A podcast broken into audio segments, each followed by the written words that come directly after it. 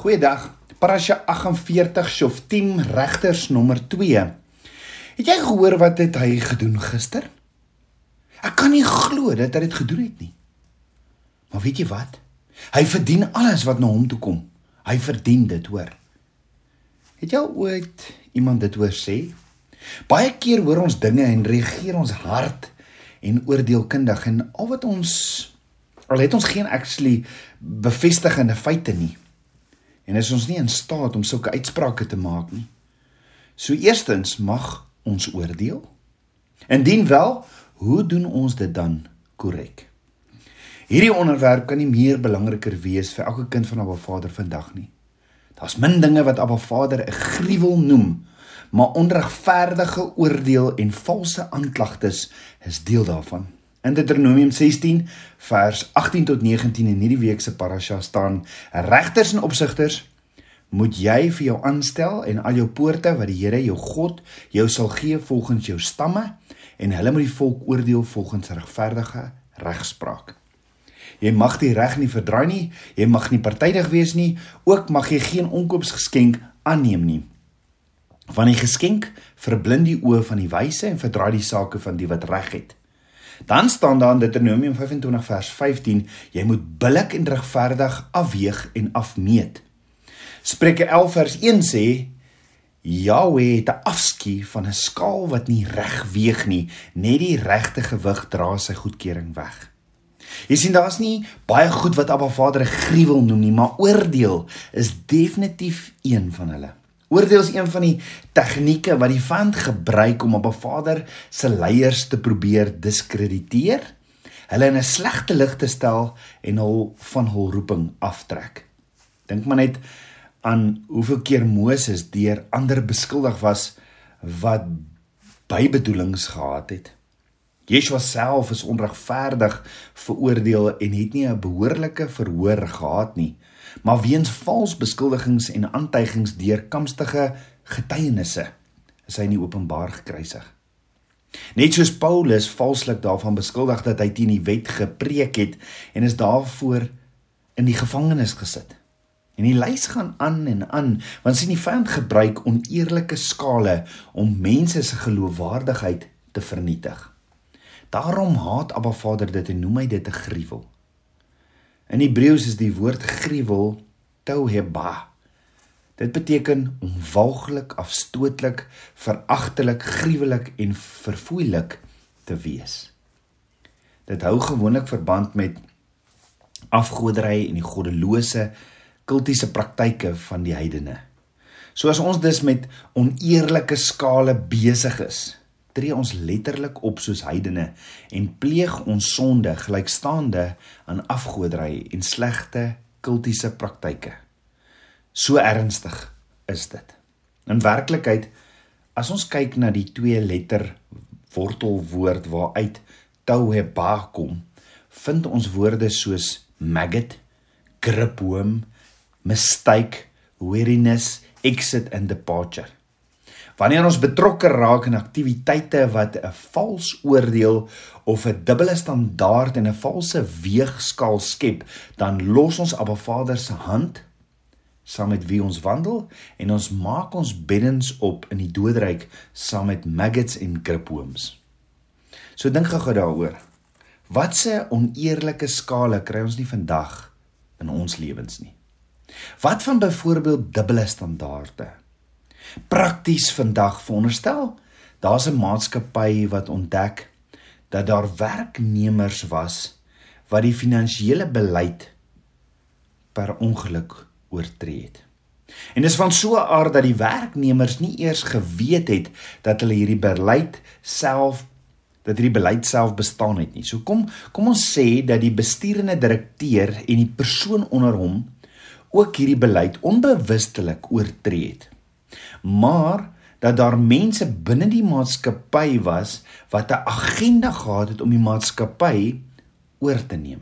En hulle het besluit om slegs die besturende direkteur in die kollig te hou en hom beskuldig dat hy bedryfsfondse opsetlik misbruik het. Dan terwyl hy uitstedig is, verwyder hulle hom van die direksie en neem die maatskappy oor. Intussen word geen ander werknemer veroordeel of aangekla nie en word die voltydse boekhouer wat gehuur is om seker te maak dat die on onderneming se finansies in orde is, word nie eers van nalatigheid aangekla omdat hy nagelaat het om die werknemers van die beleid in te lig nie. Dit is 'n perfekte voorbeeld van oneerlike skale en dis 'n gruwel vir Abba Vader. Hoekom? Omdat die skale doelbewus gemanipuleer is om 'n uitkoms te skep wat die agenda van die voorsittende regter kan bevorder. Elke keer as ons met 'n dubbele standaard beoordeel en vals gewigte en maatstawwe skep, kan ons op die kort termyn ons wil dalk kry, maar daar's altyd 'n swaar prys in die lang termyn. Hoeveel ouers doen nie presies dieselfde met hulle kinders vandag nie? Hulle beoordeel die een kind harder as die ander een en hou nie die skale eweredig in balans nie. Jy sien, dit is net te maklik om die skale te kantel omdat jy eintlik 'n sekere resultaat wil kry. En dit kan die selfvertroue van 'n kind vernietig en verhandigheid en voordeeldheid, 'n verdeeldheid tussen die broers en susters en ouers veroorsaak. Daarom moet ons as ouers oppas en baie versigtig wees dat ons nie in hierdie strik trap nie. Watter maatstaf ons met een gebruik moet ons met almal gebruik. En Yeshua sê in Matteus 7 vers 1 tot 5 moenie oordeel nie sodat oor julle nie geoordeel word nie met dieselfde oordeel waarmee julle oor ander oordeel sal oor julle geoordeel word en met dieselfde maat waarmee julle vir ander meet sal vir julle gemeet word. Waarom sien jy die splinter raak wat in jou broer se oog is, maar die balk in jou eie oog merk jy nie op nie. Of hoe kan jy vir jou broer sê wag, laat ek die splinter uit jou oog uithaal en intussen is daar 'n balk in jou oog. Hy gelaar, haal eers die balk uit jou eie oog uit, dan sal jy goed kan sien om die splinter uit jou broer se oog uit te haal.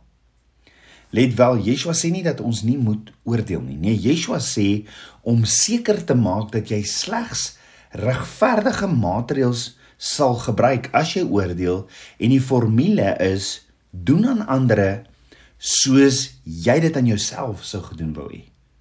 As ons die sonde uit ons eie lewens haal, sal ons op 'n baie beter plek wees om ander met hulle sondes te help. Let wel dat die doel van oordeel nie veroordeling is nie, maar herstel om die ander persoon te help om te sien wat hy nie kan sien nie sodat hy vry kan wees van die vuilheid in hulle oë. Met ander woorde, om te oordeel is 'n daad van liefde. Dit is dit is waarom die stappe van Matteus 18 ook so krities belangrik is wat Yeshua ons leer om te doen. En as jy hierdie stappe oorslaan en tot die finale oordeel gaan, omseil jy die hele regstelsel wat deur Abba Vader opgestel is om seker te maak dat gelyke gewigte en maatreëls gebruik word en dat daar geen gruwel in die proses geskep word nie. So hier is 'n paar praktiese wenke om seker te maak dat jy nooit Abba Vader so gruwel met jou oordeel dat jy 'n mire of 'n maggot gevulde put val omdat jy Abba Vader gegruwel het nie. Nommer 1. Aanvaar altyd dat jy inligting kort of mis voor jy begin oor dit, voor jy enigsins oordeel. En dit is miskien die mees belangrikste stap van al die stappe tot oplossing en konflik en behoorlike beoordeling. As jy dink iemand het iets gesê of gedoen, jy dink en jy wil daarop oordeel, sal jy byna altyd in die moeilikheid beland. Jy sien die ontvangs van nuwe inligting wat jou aanstoot gee, sal die vlees byna altyd opwek, opwek en 'n 'n 'n voortydige uitspraak of oordeel lewer. Jy moet weet, nuwe inligting, selfs al lyk dit hoe goed en waar, dit kan jou regtig skade doen as jy toelaat dat jou emosies die beoordelaar word in plaas daarvan dat jou gedagtes deur Abba Vader se woord gewas word. Neem dus altyd alles wat jy hoor met 'n knippie sout en hou jou uitspraak terug totdat jy die geleentheid het om al die feite aan te hoor en na die saak te kyk soos 'n ondersoekbeampte wat die waarheid soek. Of jy nou jou man, jou vrou, jou baas, jou kinders of wie ook al oordeel, word ons beveel om hulle regverdig te oordeel. En dit begin deur jouself te dwing om te glo dat hulle onskuldig is totdat hulle skuldig bevind word volgens Abba Vader se prosedure. Nou ons weet almal dat ons nie die nuus of die media kan vertrou nie. Want elke verslaggewer en netwerk het 'n sterk veroordeel en hulle gebruik die verslag wat hulle gelewer om die kyker te lei tot die gevolgtrekking wat hulle wil hê hulle moet maak. Daarom moet ons altyd aanvaar dat daar altyd inligting is wat ontbreek. Dan nommer 2: gaan direk na die bron toe. Dit is wat jy doen om soveel as moontlik inligting van die ander kant te kry as wat jy nodig het om 'n behoorlike oordeel te neem. Spreuke 18 vers 17 sê: Niemand wat in 'n regspraak 'n regsaak eerste praat is altyd onskuldig. Iemand wat in 'n regsaak eerste praat is altyd onskuldig, maar dan kom iemand anders en ondervra hom. So wat beteken dit? Het dit al ooit met jou gebeur waar een persoon na jou toe gekom het en dit het, het gelyk of al die inligting waar was wat hierdie persoon jou vertel het tot jy die res van die verhaal ontvang of gehoor het. Dit gebeur die hele tyd, nê. Nee. As jy kinders het, gebeur dit amper elke dag.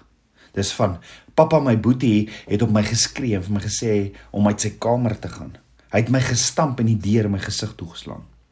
Dan kom jy agter dat Boetie besig was om aan te trek en toe het Boetie hom met klein karretjies gegooi.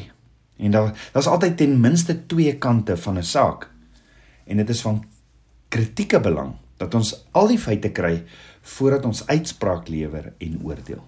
Selfs as jy nie al die betrokkenes ken nie, kan dit selfs 'n gruwel wees om 'n oordeel in jou gedagtes te maak. Nommer 3. Maak seker dat jy die woord se beginsels veroordeel volg. In die parasha vir hierdie week is die regters van Israel nie toegelaat om iemand die doodstraf te gee as daar nie ten minste twee getuienis is nie. Net so, as die situasie in 'n gemeenskaplike omgewing plaasgevind het, moes die hele hofproses gevolg word met getuies.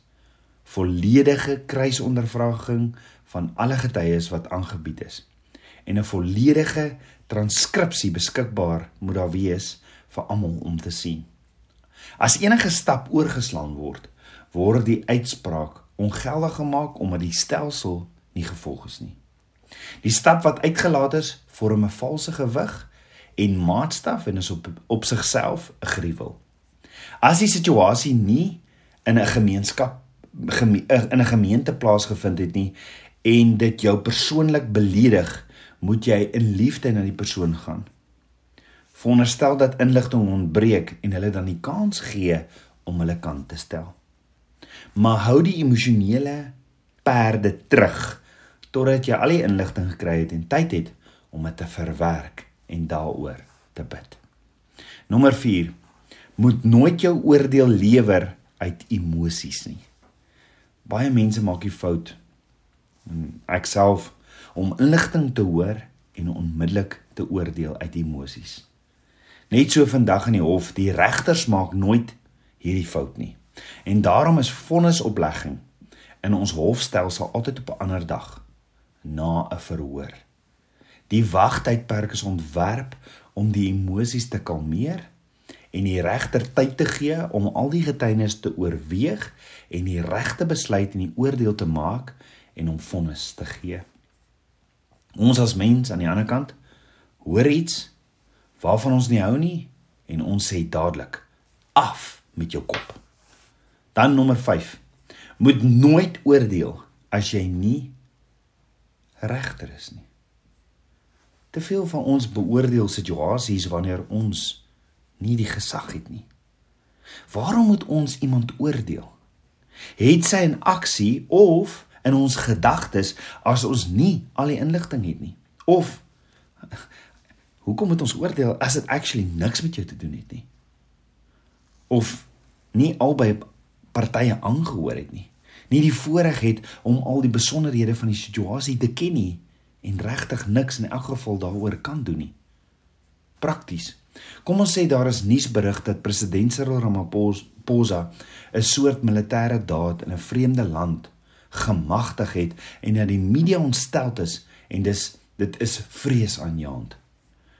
Maar die president staan by sy beslissing en beantwoord nie een van die media se vrae nie. Die mense moet sonder die inligting beoordeel. Die meeste mense sal hulle uitspraak uitsluitlik baseer op die inligting wat die nuus ons gee, nê. Nee. Hulle is nie eens soveel van mening dat dit moontlik is dat die militêre optrede doelbewus geskep is deur die president om die aandag van 'n werklike ondergrondse missie wat van belang is vir nasionale veiligheid weg te hou nie. Jy sien, wat van uit ons perspektief verkeerd lyk, is slegs verkeerd omdat ons nie al die inligting het nie. Daarom is hierdie laaste stap so belangrik om seker te maak dat ons regverdig beoordeel en dit bring ons by nommer 6 bid oor die situasie en persoon wat in die spervuur is. Aba Vader toets ons voortdurend sy kinders se hart om te sien of hulle hom sal gehoorsaam. Kom ons kyk terug na Deuteronomium 8 om een van hierdie geheime toetse te sien. In Deuteronomium 8 vers 1 tot 5 staan: Jy moet elke gebod wat ek jou vandag gee gehoorsaam en daarvolgens lewe. Dan sal jy bly lewe, baie word, die land ingaan en dit in besit neem soos Jahweh met 'n eed aan jou voorvaders beloof het. Jy moet onthou hoe Jahweh jou God jou nou 40 jaar lank in die woestyn gelei het. Hy het dit gedoen om jou nederig te laat word en om jou op die proef te stel sodat hy kan weet wat jy dink en of jy sy gebooie sal gehoorsaam of nie. Hy het jou laat swaar kry, laat honger ly en toe het manna gevoed, iets waarmee jy nog jy nog jou voorvaders bekend was. Iets waarmee nog jy nog jou voorvaders bekend was. Hy het dit gedoen om jou te leer dat 'n mens nie net van brood leef nie, maar dat hy leef van elke woord wat uit die mond van God kom. Jou klere het in die 40 jaar nie verslyt nie en jou voete het nie geswel nie. Jy moet diep in jou hart weet, soos 'n man dissipline by sy seun kweek, so het Jahwe jou God vir jou dissipline geleer. Nou hierdie is 'n voorbeeld waar Ba Vader in die geheim toelaat dat 'n groot verhoor voor sy volk plaasgevind het met een doel om te sien wat in hulle harte is. Sou hulle sy voorgeskrewe weë van onderrig volg of sou hulle doen wat hulle wou doen. En die meeste van ons besef nie dat wanneer ons aanstoot neem of ons hoor inligting wat veroorsaak dat ons vlees wil oordeel dat ons in die geheim getoets word om te sien wat in ons eie harte is nie. Jy sien, Abba Vader wil weet wat jy daarmee gaan doen. Gaan jy die woord gehoorsaam, volg en onskuld aanvaar totdat skuld bewys word? Of gaan jy dit net dadelik die oordeel of veroordeling aanneem en aanspreek? Of gaan jy die vir die persoon bid en regverdig oordeel as jy enigsins wil oordeel? Hoe weet ons immers dat Abba Vader nie die persoon toegelaat het om so 'n fout te begaan om hulle vir die toek, toekoms op te lei nie? Mag ons Abba se onderrig beoordeel? Dink gou daaroor. Beoordeel jy jou kinders as hulle foute op skool maak en 'n swak punt huis toe bring? Of probeer jy hulle help met hulle foute sodat hulle in die toekoms suksesvol kan wees? As ons daardie baie basiese konsep verstaan en dit vir ons kinders doen, hoeveel te meer tigtig Abba Vader ons wat hy liefhet en laat hy toe om ons om foute te maak sodat ons daaruit kan groei en kan leer. As hy na ons toekoms kyk met hoop en langs ons in intimiteit wandel, hoeveel te meer moet ons dan op dieselfde manier na ander kyk. En dit is waarom die laaste stap is om te bid vir diegene wat in hierdie kategorie in jou lewe val. So Tabernakels kind van Abba, dit is heeltemal te maklik om te vroeg te beoordeel. Maar dit is nie so maklik om op 'n Vader te gehoorsaam, te volg en dan vir die situasie of die persoon te bid nie. Niemand hou daarvan om beoordeel te word nog veel minder vals nie. Kom ons bid saam. Aba Vader, koning van my hart, Aba, ek loof en ek prys U. Vader, vergewe my dat ek uit emosies reageer, oordeel en U gruwel op een of ander manier. Vader, kom was my met die waterbad van U woord en kom raak my mond aan met U vuurkoel. Vader, ek kies om eerder met U te praat voor ek enige aanstoot vat of ooit oordeel en eerder te wag op U meer en meer van u waarheid en u geheimenisse. Ek bid dit alles in Yeshua, Hamasieg se naam, die seun van Jahweh. Amen. Shalom.